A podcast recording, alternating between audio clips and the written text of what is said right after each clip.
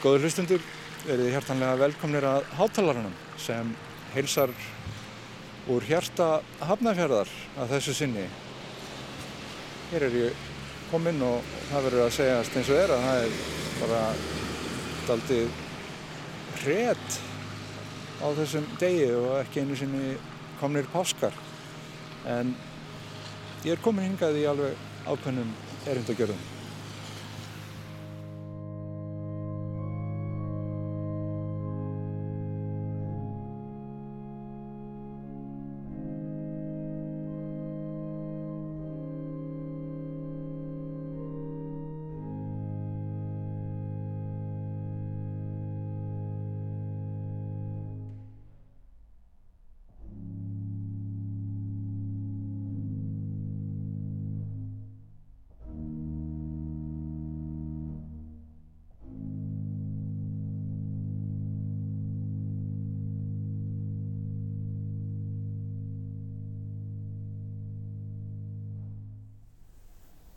Ætlum aðeins að já, velta fyrir okkur orgelmúsík og starfi kirkjuorganistans og ég er komin hérna í hérna gríðarlega fallegu Hafnarferðarkirkju með organistanum á staðnum, Guðmundi Sigurssoni.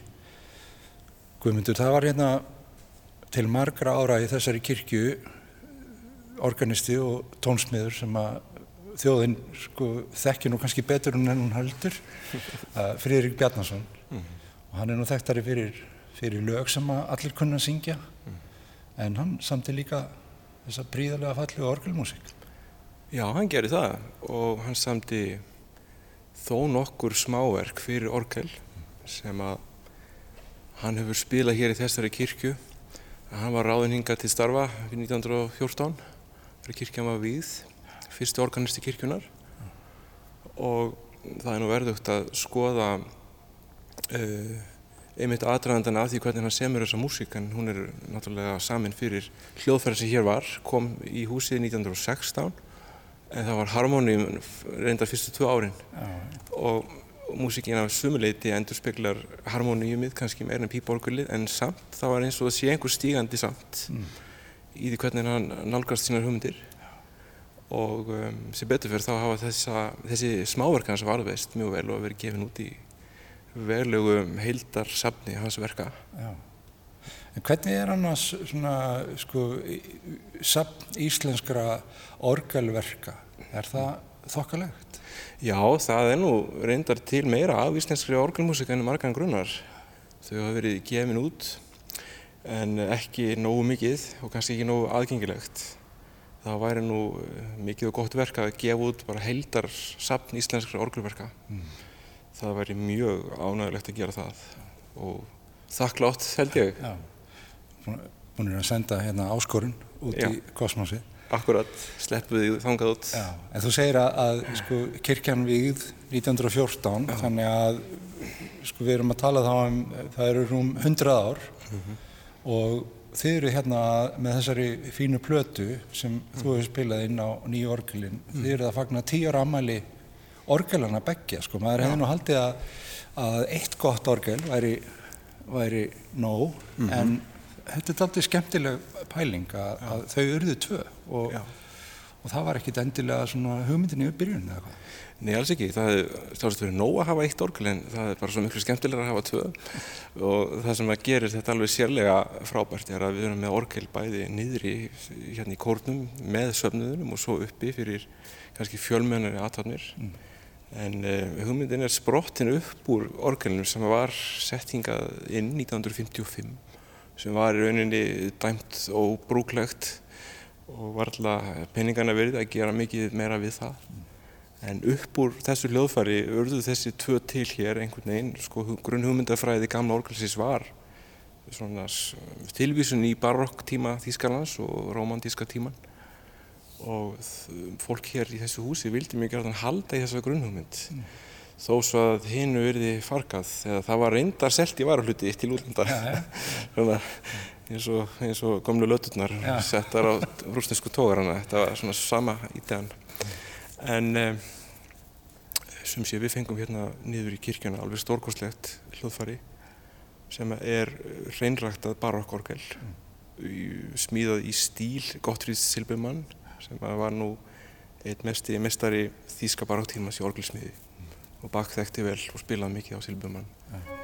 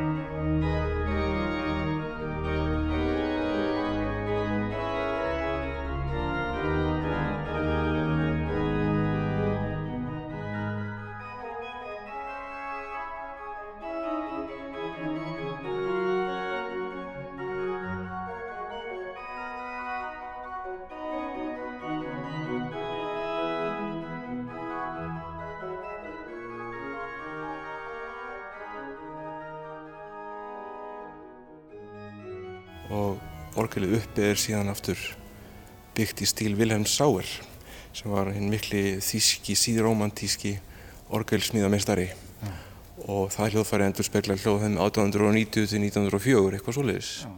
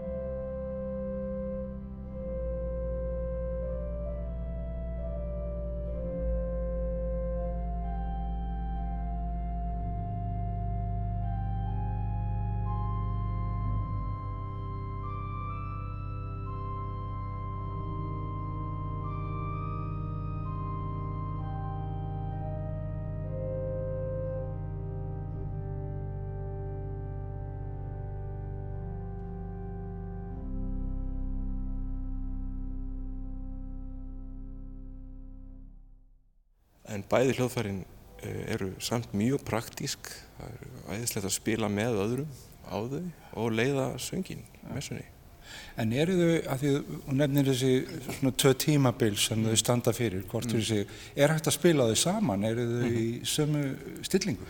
Já, það er allt hægt en hins vegar þá er orgelið niðri í barokksstillingu og, og í 415 hertsum Já, já, og sem hálftón neðar en 440 uppi. já, Þannig að það er allt hægt ef menn eru flinkir að transponera já, en, eh, en þau eru það sko mm, skemmtilega ólík að, að þau eru hljóma best í sitt skóru lagi en, en það er ekkert útlokað að, að spila á þau saman og mér dreymir reyndar um að fá einmitt af því við vorum að tala um íslensk tónverk að fá gott tónskald til þess að semja verk fyrir þau bæði.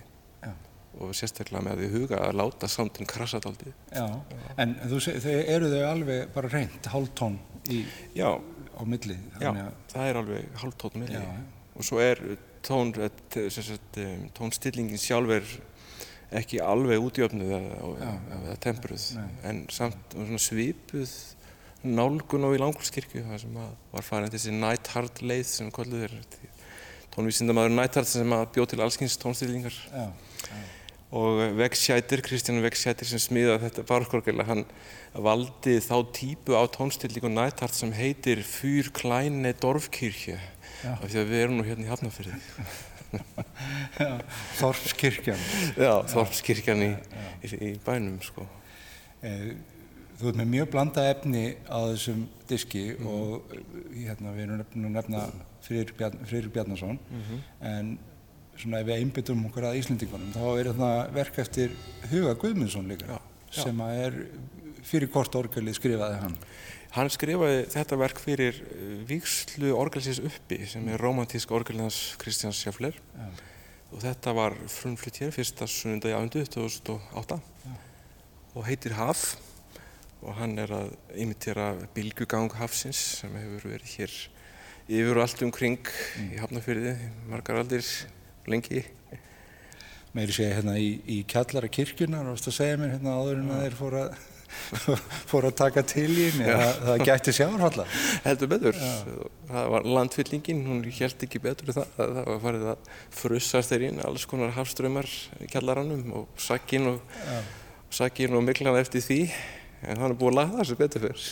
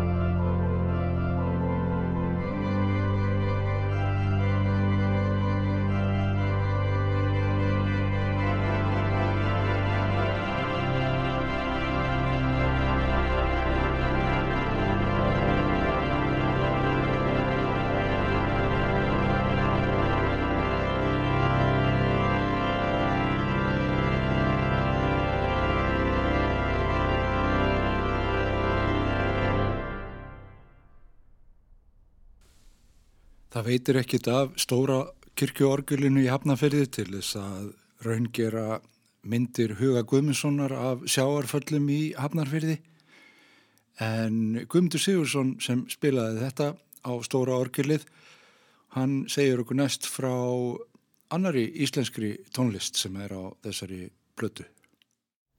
Segðu mér aðeins frá svona nálguninni á, á tónlist Jóhanns Jóhanssonar. Mm -hmm. Eh, var, notaði Jóhann einhvern tíman orgelin hér? Nei, hann náði því ekki, því miður, en um, hann notaði talsett mikið af uh, orgelsándum í sinni músík mm.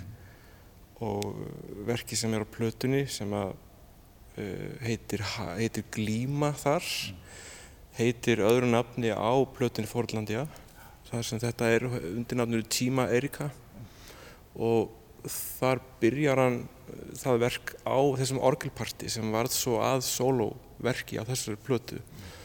Og það er svo vel skrifað hjá hann að það virkar fullkomlega sem soloverk þó svo hann hefði hugsað það sem ingang inn í annað. En ég rætti þetta við ímsa sem tengdust Jóhanni og það voru allir samáluð í að þetta mætti mjög gera að, að spila þetta sem soloverk og hann kallar þetta glíma í handréttinu sem hann sendi mér um árið þegar við vorum að, við vorum að taka þetta upp með honum í Langholtskirkju inn á uh, þetta, þannig, þetta trakk ja. Eh, því miður náði ekki að spyrja hann af hverju hann kallaði þetta glíma þarna en tíma Erika á Forlandíu ja. en uh, þetta er alveg eina af þessum mörgu perlum hans lilla, lilla stykki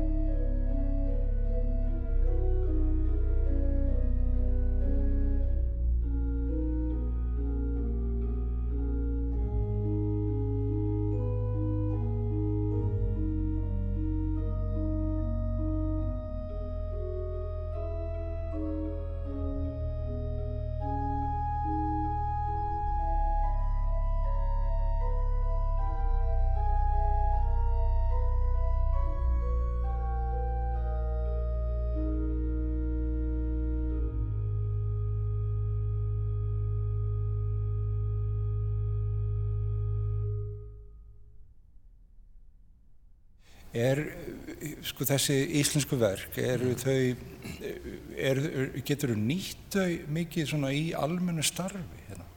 Já, mjög mikið. Ég hef spilað flest þessara verka í messum hér í kirkjunni og á tónleikum hér heima og aðeins í útlandum. Þannig að þetta eru verk sem að ég hef reynd að hafa mjög praktísk og koma, með, koma fram með þau í þessu samhengi. Eins og verk Jóhans að ég hef spilað alltaf hér bara jafnvel undir bænagjörð eða eitthvað slíkt og að tónleikum. Og mjög fallegt til dæmis á förstæðin langa eða einhverjum svona á förstu tímanum. Þetta er mjög innkvert stykki. En þetta er nú ekki allt sko hérna starf kantorsins, það er nú ekki, fels nú ekki bara í því að sitja og spila orgeli, það þarf líka að hafa vel syngjandi kór og, og svo er Barbaru kórin og það er, er hann tengdur hérna Hafnarferðarkirkju, hvernig er þetta? Já, hann er starfandi húskór hér og hefur verið frá stofnun og hann syngur hér mikið við messur og helgi hald annað, kemur fram við útvarir og við æfum alltaf fyrir tónleika reglulega og um, það er alveg hinliðin á, á teiningnum fyrir starfi organistans að maður spilar og stjórnar. Þetta er einhvern veginn svona óaskiljanlegt.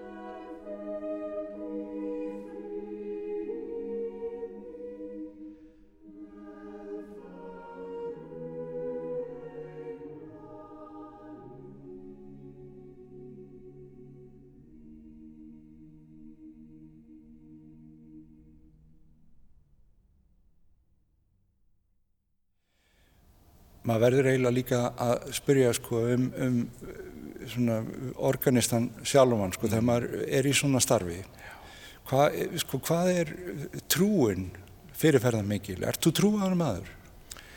Já, ég er kristinn maður eins og flestir sjálfsagt hér á landi Eh, það er sjálfsagt erfitt að mæla trú og um, en ég svona reyni að stilla mig mjög inn á trúarbylgjuna í starfi mínu ég held að sé erfitt að sleppa því alveg þegar maður er að, að með þetta hlutverk að spila orgel þannig að söpnuðurinn geti hrifist með og sungi Guði lof og dýrið með salma undirspilinu Já, ég er trúaður en ég veit ekki hversu trúaður, það er erfitt að kannski bara segja hjálp og þú vantrú minn, ég frekar. En, en ég held að það sé mjög mikilvægt að, að, hérna, að vera bara með opið hjarta í þessari helgiðjónustu og organistar eru auðvitað eins og aðri bara mistrúaður en aðalatrið er þessi virðing fyrir hlutverkinu. Og, um, og setja sig inn í þetta hlutverk, maður setur svona sjálfan sig aðeins til hliðar og reynir að vera farföður þetta flæði að hjálpa fólki til að syngja sjálft í messunni það kannski gildir um alla músík, maður þarf að setja sig til hliðar og leifa þessu að koma og gerast og það er það er kannski einhver guðdómur í gangi einhver, einhver helgidómur í hjartanu fólki já, já, já. En það, þetta er, þetta, það breytast auðvitað allir hlutir sko og það var nú talað um að Bach skrifaði undir all sín verk að hér væri allt gert til dýrðar Guði. Já, já, einmitt. En svona, maður hefur á tilfinningunni svona að þetta sé kannski ívið hverstagsleira og, mm -hmm. þú, og þú nefnir sjálfur þetta með hver mælistikkan er eiginlega á trúna, það er nú ekki alveg gott að, að sjá það. En, en hvernig er annars að að, sko, að setja sig inn í þessa hluti. Hér ertu í, oft í, í mjög erfiðum uh, hlutverkum. Það eru mm. náttúrulega kirkjurnar takað sér þessi, þessar, þessar stundir mannfólksins, erfiðustu stundirnar jafnt og það er gleðilegustu. Mm. Maður sér fyrir sér að það getur svolítið verið uh, svona pakki að, að koma sér í gýrin fyrir, fyrir erfiða jarðaför. Já, já, það getur verið það og þetta er oft uh, flóknasta hlutverknars í starfi organistans mm. að uh, mæta sirkindum og hjálpa þeim að finna músík sem er hugandi og umvegandi og um, það er líka mjög gefandi mm. Og það getur oft verið uh, mjög, ekki kannski ánægulegt en það getur verið mjög gefandi á mm. að, að um, finna út hvað það er sem myndi passa þessum hóp sem þarna sittur ja og þar blandast náttúrulega saman sálmahefð kirkjunar og hins vegar músík sem fólk auðvitað tengir sig meira orðið við en kannski sálmana og mm. þetta er orðið flóki verkefni í nútíman að tengja saman hefðina og, og það er rauninni hvað fólk hefur fjarlæst svolítið hefðina haldinni fram þannig að hún sé aðlæðandi líka mm. því það er mikil huggun í vonarbóðskap kristninar, alveg saman hvort þú sért kristin eða ekki, þá er í rauninni eh, svo mikil, mikil dýnamík á bakvið eh, fagnæðaröndið. En þetta er sannlega ekki einfalt og alls ekki í nútímanum. Verður stundum hissa á, á því svona, hvað, hverju fólk veldir upp sjálft í, undir þessum kringumstæðum? Hvað, hvað því finnst hátilegt og, og eiga við? Já, ég verð stundum hissa en, en uh, ég held að verkefni maður sé að dæma ekki mm. heldur að setja sér í spór fólks ja, ja. og reyna að sjá sko frá þeirra sjónarhóli uh, að þeim finnst eitthvað passandi sem manni kannski finnst sjálfum síður passandi. Mm. en, en auðvitað er líka hægt að benda fólki á að fara einhver aðra leið en það er að byggja um sjálf þau hefur kannski ekki hugsað út í textan alla leið. Ja, fattar ekki að það er kannski verið að syngja um eitthvað sem er ekki viðandi En, en þetta er, er svona fín lín að fara því að maður vill ekkert neitt nefn að gera annað en að hjálpa til og, og sína umvegandi svona hlýðu í þessum aðstæðum. Af því að sálmahæðin er orðin meira framöndi fólki en áður og þá koma dægurlöfin inn í.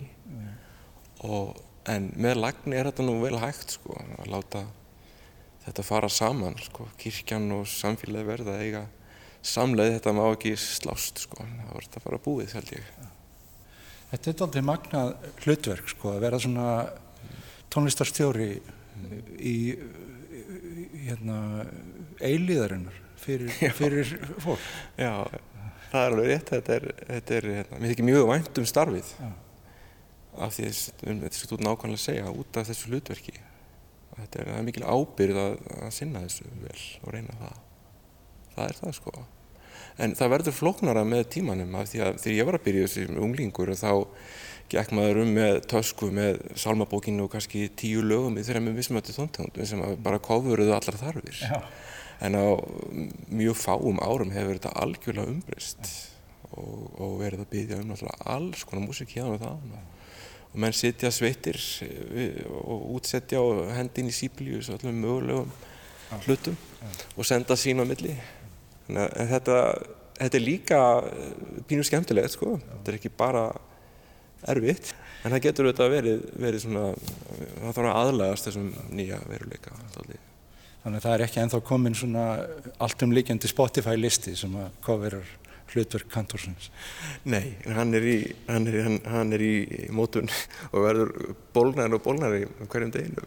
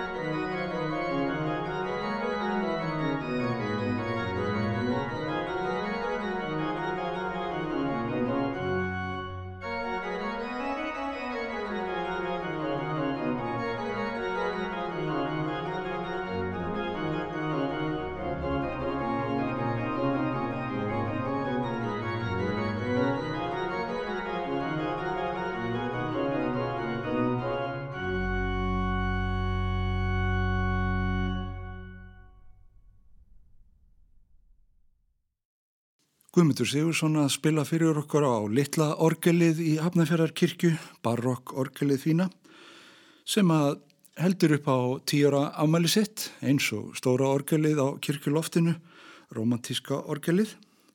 Þessi tónlist, svo elsta sem að skýtur upp kollinum á nýjum geisladiski hans, þar sem hann tekur þessi orgel Hafnarfjörðarkirkju til kostana.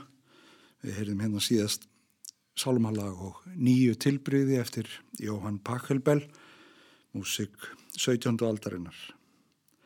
Was Gott tut, das ist wohlgetan.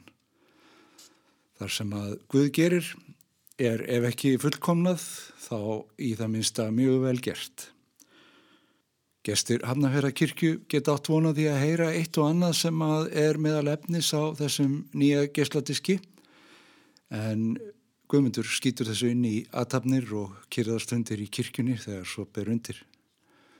Og nú eru páskatnir á næsta leiti og, og þá er nú gerðan farið í kirkju.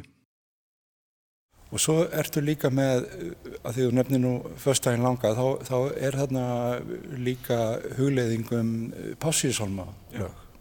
Já, það er einn uh, hugleðing yfir 3000 og annan passíusálma eða eitt erindi hans, greinir Jésúsum grænað tréð sem er eh, hugleggings Mára Ólarssonar á gömlu íslensku þjóðlegi mm.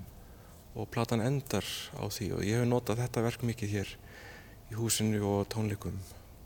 Það var gangandi hægur bassi í því, það er duluð yfir því.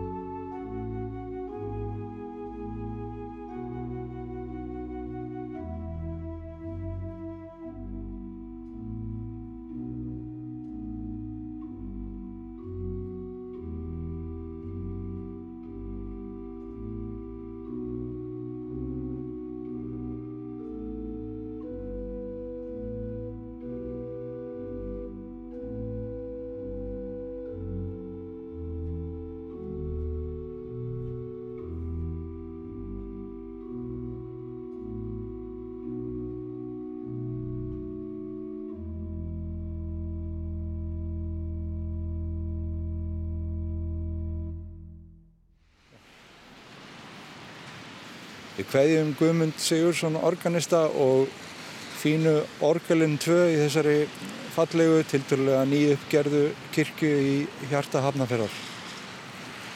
Takk ykkur fyrir að hlusta hátalaran. Verðið sæl.